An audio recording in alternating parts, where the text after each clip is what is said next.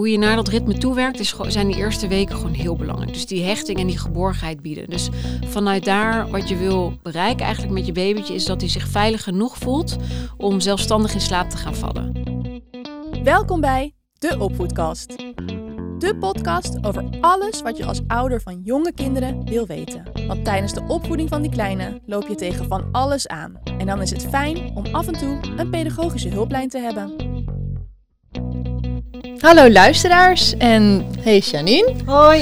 Eh, we vinden het super fijn dat eh, Melanie weer bij ons aan is geschoven. Eh super fijn dat je er weer bent. En heel erg leuk dat wij weer samen mogen praten over die hele kraamtijd, pasgeboren baby fase. Vind Kun ik je- ook. Kun jij misschien nog heel even kort vertellen over jezelf? Ja, ik ben Melanie, de moeder van drie kinderen. En ik geef eigenlijk voorlichting aan ouders over de kraamperiode en de weken daarna. En met name het stukje over het belang van hechting. Wij gaan het vandaag ook helemaal hebben over slapen. We hebben jou al gesproken over allerlei onderwerpen waar ouders tegenaan lopen tijdens de kraamtijd. En hoe je hiermee om kunt eh, gaan. Maar een heel belangrijk thema dat bij jou in de praktijk ook heel vaak terugkomt, is ehm, ja, de slaap van je pasgeboren baby. En ehm, hier gaan we het dus eh, vandaag uitgebreid over hebben. Heel Ja. leuk. Allereerst, hoe krijg je nou een goede flow in dag en nacht? Ja, wat, heel, wat een heel belangrijk gegeven is eigenlijk, is dat de nacht bepalend is voor hoe de dag is verlopen. Dus heel vaak denken we van, oh, het was een hele eh, rommelige dag bijvoorbeeld, die er altijd zullen zijn.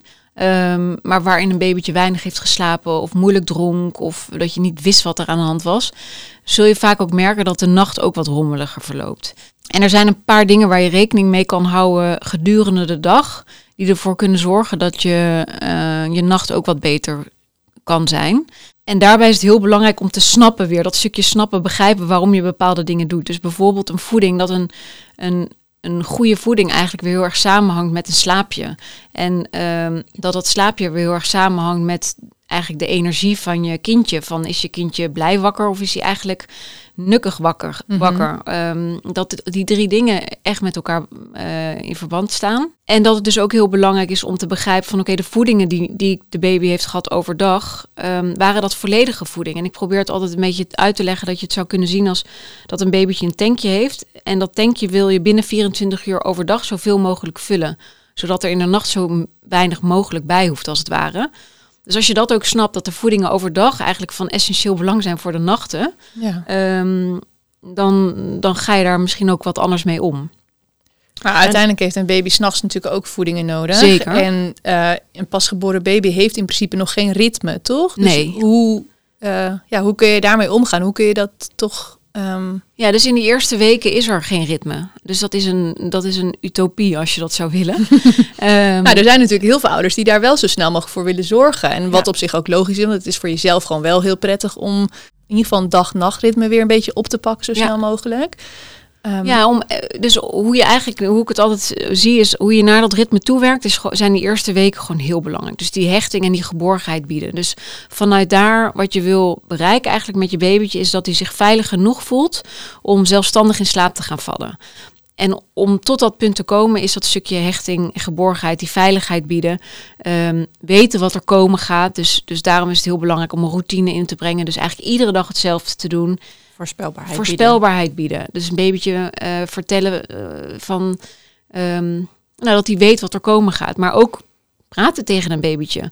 Ehm, onderzoek heeft ook aangetoond dat, dat ouders die tegen een pasgeboren babytje praten en vertellen wat ze gaan doen, dat hun woordenschat zoveel malen groter is dan ouders die dat niet hebben gedaan. En het voelt soms een beetje onwennig om tegen je babytje te praten, je pasgeboren baby.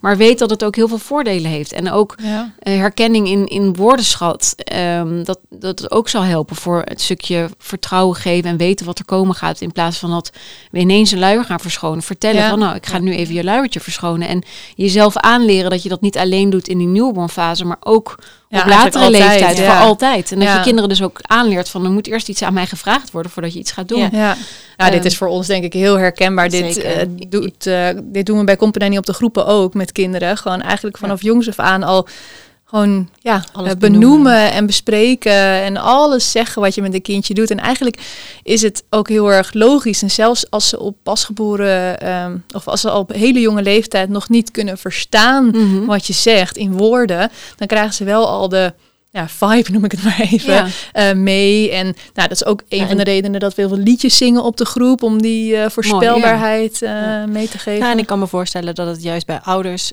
inderdaad, omdat kinderen het misschien nog niet begrijpen wat je zegt, maar je, de- stemmen van de ouders zijn natuurlijk al wel bekend voor het Precies. kind. Die hebben ze in de buik Ja. natuurlijk al gehoord.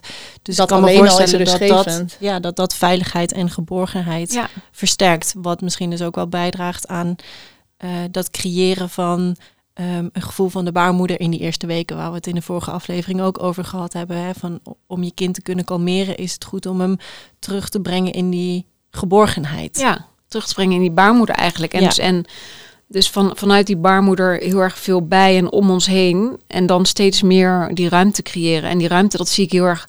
Daarmee bedoel ik dus eigenlijk die ruimte om een babytje alleen te laten. Om hem zelfstandig in slaap te krijgen, bijvoorbeeld. Ja. Ehm, maar dat moeten we ze aanleren. Doe je dat dan ook echt in stapjes? Ja, dus dat doe je eigenlijk door middel van een paar dingen. Dus eh, consequent zijn, dus iedere dag hetzelfde doen. Ehm, en iedere dag hetzelfde doen in die routine. Dus een routine die je iedere keer voor het slapen gaan gaat aanbieden. En die hoeft helemaal niet heel uitgebreid of heel lang te duren. Maar vijf minuutjes bijvoorbeeld al stapsgewijs iedere keer die dingetjes die je doet. En, dat is dus ook in die eerste maand, eerste twee maanden al heel belangrijk. Ja, dus niet in die eerste weken. Dus maar daar ga je een beetje vanaf dat circadiaanse ritme kan je daarmee aan de gang gaan. Als dat goed voelt voor jullie als ouders. Als je voelt dat dat te veel druk op je legt en dat je daar helemaal geen behoefte aan hebt, dan hoeft dat helemaal niet. Nee, want dat is wanneer een babytje pas doorheeft wat het verschil tussen dag en nacht is. ja, hè? dus dan kan het goed zijn om daarmee te gaan oefenen. Het is dus ook oefenen. Dus het is ook bijvoorbeeld zo'n routine aanbieden en proberen het babytje weg te leggen in het bedje. Ehm, en lukt het niet, dan meteen weer die geborgenheid bieden. Maar het is dus oefenen. En daarom wil ik ook altijd de voorlichtingen zo graag aan allebei de ouders geven. Omdat het wel belangrijk is dat je als zorgverleners allemaal een beetje hetzelfde probeert te doen. Ehm, en dus ook dit, die, die routine is niet alleen voor die, voor die newborn fase, maar ook voor de, voor de jaren daarna. Is gewoon routine heel belangrijk. Wij als volwassenen vinden het eigenlijk ook heel prettig om te weten wat we bijvoorbeeld Ja. na het opnemen van deze podcast gaan doen. Of weet je, je wil ook weten wat je na, na, eh, na, na iets komt. En dat geldt niet anders voor baby's. Nee, zeker. Misschien juist nog wel meer. Ja, Ja. nog wel meer. Ja. Hey, en je vertelde net over dat ehm, je eigenlijk drie dingen zijn die aan elkaar verbonden zijn. Dus slaap, eh, voeding en eh, energie van een kind. Ehm, hoe ga je er nou mee om? Ehm, stel dat een van de drie net niet was. Dus bijvoorbeeld eh, je had geen volledige voeding omdat er, nou ja, weet ik veel wat gebeurde. Dat heeft automatisch effect op de andere twee. Maar Mhm. hoe kun je dat nog opvangen? Of kun je dat opvangen? Nou, ik denk als je, het, als je dat snapt, dat je dus ook meer zult begrijpen van het gedrag van de baby. Dus als je weet van, eh, bijvoorbeeld, het was, een, eh, het was niet een volledig slaapje. En je gaat de baby een voeding geven en een baby heeft energie nodig om een voeding tot zich te nemen, vooral in die eerste weken. En je merkt dat ze heel snel weer in slaap vallen aan de borst of aan de fles. Ehm, dan snap je waar dat vandaan komt. En dan kan je dus er bijvoorbeeld voor kiezen om een babytje gewoon nog even een powernapje te laten doen Ja. en dan een voeding te geven. Ehm, ja, dus het is misschien ook gewoon een heel erg een stukje ehm, bewustzijn van ouders waaruit dan weer acceptatie voortkomt, waaruit je weer op Kan een handelen. betere manier met je babytje om kan gaan. Ja, dus ook als een babytje heel erg eh, huilerig is als hij dus een voeding heeft gehad, dan weet je gewoon, oh ja, dat slaapje was eigenlijk ook maar heel kort. Het is gewoon moe. Dus daarom zijn schema's soms gewoon heel verwarrend. Want Ja, Ja. je gaat dan vooruit van een perfect moment, perfecte voeding, perfecte ja, maar dat is niet zo. Nee. En, maar als je dus snapt dat het allemaal met elkaar verband houdt, dan kan je er misschien wel wat meer mee omheen bewegen. En is slaap daarin dan het fundament? Is dat ook hetgeen waarmee je bijvoorbeeld zo'n gehele cyclus kan resetten? Snap je wat ik bedoel? Nou, wa- wat je eigenlijk zegt is als babytjes slapen, dan groeien ze. En als ze wakker zijn, leren ze. Ja. Ehm, dus slapen is, is heel belangrijk. Ehm, maar we zijn soms ook heel erg aan het begin, juist wat jij eigenlijk net al aangaf, Amber, van dat je zo snel ehm, wil dat babytjes in een ritme komen om te slapen. Ehm, van het slapen kan ook in het draagzak of in de kinderwagen buiten. Of eh, aan het begin is vooral dat slapen heel belangrijk. En waar, welke plek, dat maakt dan dus niet, zoveel uit. Op bij je op de borst, helemaal prima. En dat is ook ehm, wat jullie net zeiden van eh, komt er dan geen gewenning of dat babytjes eraan gewend raken? In die eerste weken nee, te veel verwennen bestaat niet eens. Ehm, dus dat zul je dan misschien wel horen van mensen om je heen. Van ja, maar je baby slaapt de hit op je borst, daar gaat hij toch aan wennen. Nee, want vanuit die liefde en vanuit die, dat vertrouwen wat je je babytje geeft, zou het makkelijker gaan om los te laten. Maar je kan je voorstellen, als je dat de eerste maanden altijd zo zou doen, ja, dan ga je wel dit aanleren. En dan wordt dit Ja. dus, voor een babytje hoort dit bij het stukje slapen. Dan hoort dus bij de borst bij mama eh, in slaap vallen, heb je dan, dat was dan een van de eh, Dingen die je nodig hebt. ja. Ja. om te leren slapen. Ja.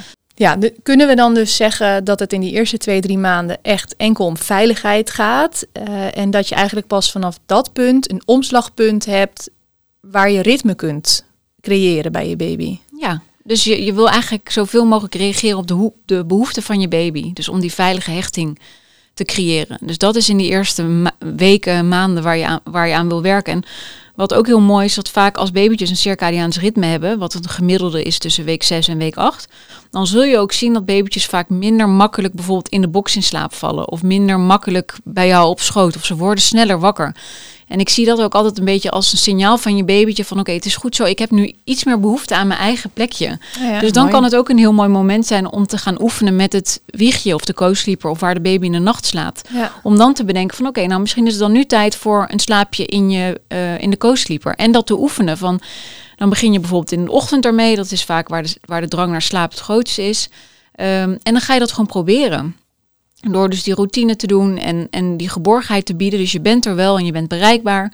Ehm, en dan is te kijken wat er gebeurt. En als het niet lukt, dan probeer je het volgende slaapje weer. Maar gewoon consequent zijn, heel belangrijk. En, ehm, en het blijven oefenen. En vanaf dat punt is het dus ook heel belangrijk om die routine heel strak aan te brengen en daar ook echt afspraken samen over te maken. eh, om het je kind ja, makkelijker te maken om het moment van slapen te herkennen. En, ehm, Ja, en om dus die hulpmiddelen te gebruiken. Dus er zijn hulpmiddelen om je babytje te leren slapen. Dus dat vergelijk ik altijd met leren eten. Als we ons babytje gaan leren eten, hebben wij bedacht dat ze gaan eten met een kommetje, met een lepeltje en met een slabbertje. En om te leren slapen zijn er ook hulpmiddelen. Dus bijvoorbeeld een speentje, een knuffeltje, een babyfoonmuziekje, een slaapzakje.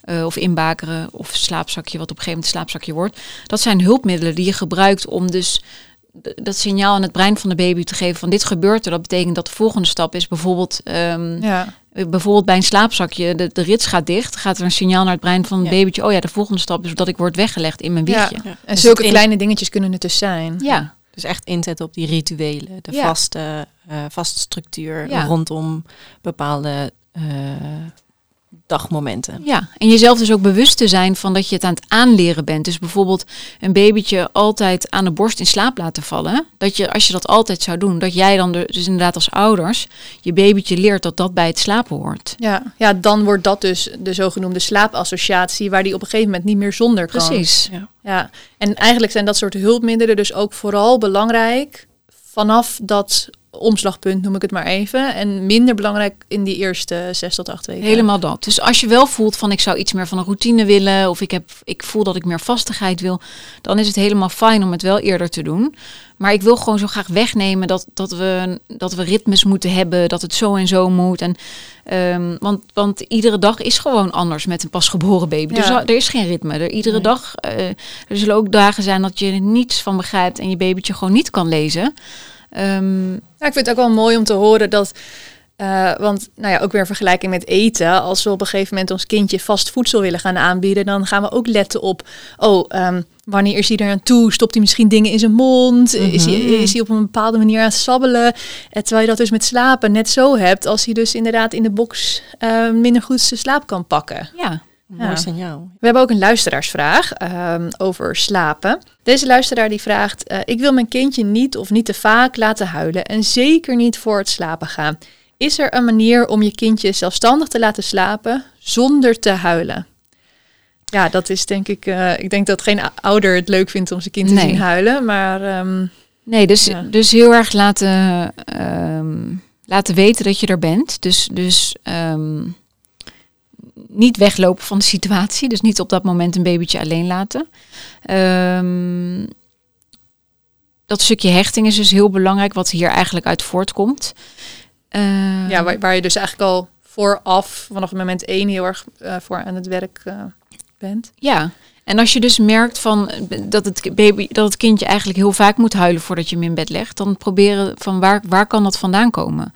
Um, en de, misschien heeft hij dan dus nog meer geborgenheid nodig. En als we het net hadden, dat je een beetje gemiddelde vanaf week 8 kan gaan oefenen, dan is dat misschien te vroeg. Misschien als je, de als je het babytje weglegt, er nog bij blijven en een handje vasthouden of handje op het hoofdje of handje op de buik.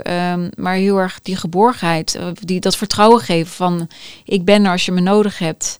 Um, en dat kan ook stapsgewijs, denk ik. Hè? Dat je eerst um, wel echt een handje vasthoudt en op een gegeven moment alleen nog hand op de buik legt. Ja, sterker nog, je, je kan een stapje daarvoor. Dus eerst de, eigenlijk het babytje zo lang mogelijk bij je. Dus echt wiegen. En als hij bijna in slaap valt, dan het babytje wegleggen.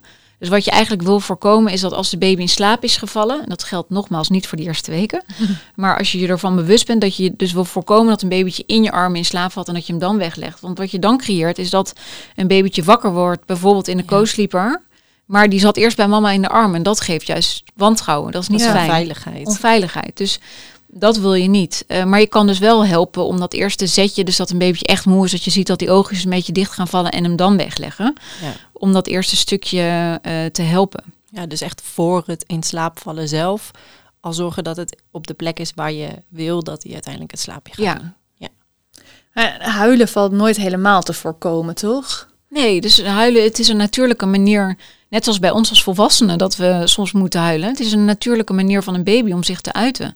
Dus ik zeg, ik probeer ook al, ik heb zo'n visueuze cirkel die ik altijd laat zien van de baby heeft een behoefte en dit laat hij zien aan ons door te huilen. En dat huilen wordt, als wij inspelen op dat huilen, dus op die behoefte van een baby, dan zorgt dat voor dat stukje vertrouwen.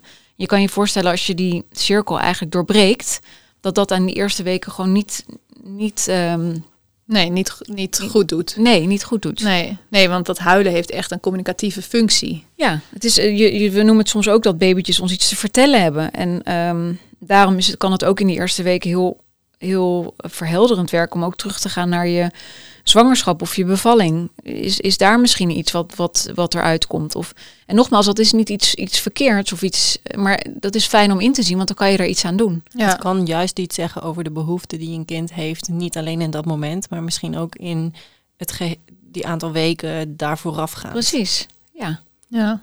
Ja, en misschien dus ook wel fijn voor deze luisteraar om te weten dat het niet per se nodig is om je kind nooit te laten huilen. Uh, ook niet vlak voor het slapen gaan. Dat het, dat het echt niet per se verkeerd is. Um, maar dat het dus een functie dient en dat het ook gewoon kan zijn dat je kindje iets probeert te vertellen. Ja. Uh, maar ik denk dat het wel belangrijk is dat er een verschil zit tussen huilen om iets over te brengen aan de verzorgers of echt overstuur zijn. Ja. ja. En dat neemt niet weg dat als een babytje huilt, dat het soms heel frustrerend kan zijn voor ouders en pijn in je hart kan doen. En ook, ja, ook heel veel energie kost. En dat is ook wel mooi dat dat zuizen van het bloed, dat shh, dit geluid, doet ook iets met onze ademhaling. Dus het is ook een soort oefeningen om je zenuwstelsel te kalmeren. Zo kan je het zien. Um, dus kan daarvoor ook heel fijn zijn. En hoe kun je nou signalen en behoeften van je baby gaan herkennen? Als je dus inderdaad zegt van oké, je wil hem graag in zijn bedje leggen. Als die, uh, als die oogjes al een beetje dichtvallen, dan is het dus wel zaak dat je daar op tijd op inspeelt. En dat je dus op tijd zijn slaapzakje en zo al aan hebt. Ja. Um, ja, zijn er trucjes om, om, om die behoeften, die signalen te herkennen voor dat slapen? Ja, nou er zijn eigenlijk twee gegevens um, die er zijn, die babytjes hebben. En dat is één, één daarvan zijn de wakkertijden. En wakkertijden is eigenlijk de maximale tijd dat een babytje wakker kan zijn. En hier heb je op bepaalde leeftijden, denk ja, ik dan. Dus heb je allerlei hele mooie schema's van die je kan vinden op, um, op internet. Dus inderdaad, per leeftijd is 0 tot 2 weken, 2 tot 4 weken, 4 tot 8 en dan ga zo maar door. Mm -hmm.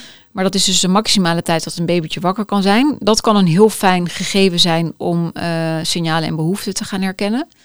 Een andere is dat in die eerste weken baby's ongeveer om de 2,5, 3 uur een voeding nodig hebben. En het andere is dat als ze op een gegeven moment wat ouder zijn, gaan ze met ons als het ware communiceren. En kan het zijn dat ze bijvoorbeeld rode vlekken rondom hun wenkbrauwen krijgen, of ze gaan oogcontact vermijden, staren, um, gapen. Gapen zeker ook. Uh, overstrekken. Dus dan zie je vaak dat je een babytje niet meer soort van onder controle hebt. Ja, uh, dat, dat zijn signalen van vermoeidheid. Ja, en ja. dat is eigenlijk waar je dan op wil inspelen door een routine aan te bieden en, het, en daarna de co-sleeper of het wiegje. En is die combinatie dan ook het meest krachtig? Want dat, dat weet ik ook uit ervaring en ook van de periode dat ik op de groep werk, dat, dat er soms uh, zo wordt vastgepind op die wakkertijden. Uh, dat moet een kind volbrengen en dan mm. mag het pas naar bed. Terwijl eigenlijk is het meer een middel om de signalen die jouw specifieke kind heeft te gaan herkennen. Precies dat, helemaal. Dus dat is ook waar, waar die zo'n schema of, of zo, zo wakkertijden, dat is niet iets wat altijd iedere dag hetzelfde is en precies vaststaat. Het is een, een, leidraad. Een leidraad, een methode om je babytje misschien iets beter te begrijpen. Ja, en het is dus ook niet erg om daar vanaf te wijken, omdat je weet, oh, de vorige slaap, slaapcyclus was niet afgerond. Dan maar iets eerder. Precies, dat, en, maar dat is dus dan heel fijn als je dat inzichtelijk krijgt en gaat snappen. Dan kan je daar dus ook veel meer aan die knoppen draaien. En dan snap je ook waarom je dus niet moet wakker tot die volledige wakkertijd voorbij is, want het moet eerder. Ja. Bij wijze van. Ja, mooi. Ja, heel mooi. Ik uh, denk dat heel veel ouders hier al uh, heel wat mee kunnen met deze mooie praktische tips. En uh, mochten ze nog meer vragen hebben, dan kunnen ze altijd mailen naar podcast.company.nl. Maar ze kunnen ook, denk ik, bij jou bij Babyvee terecht. Zeker weten. Je kan me altijd e-mailen met vragen en dat kan naar hello@babyvee.nl. En ik heb ook een website www.debabyvee.nl. En daar staan ook vaak de workshopdata op en uh, kan je me ook vinden. Er gaan hopelijk veel mensen op kijken, want je geeft echt prachtige tips en inzichten. En uh, ja, nogmaals heel erg bedankt voor de, al deze mooie informatie. Ja, Super waardevol. Ik heb er in ieder geval heel veel van opgestoken. Heel fijn om uh, met jou in gesprek te gaan Super hierover. leuk om hier te zijn. Ja, ik kan en, er niet genoeg over praten. Nee. nee, ik denk dat dit ook een onderwerp is wat nooit, waarover we nooit uitgesproken raken. Nee.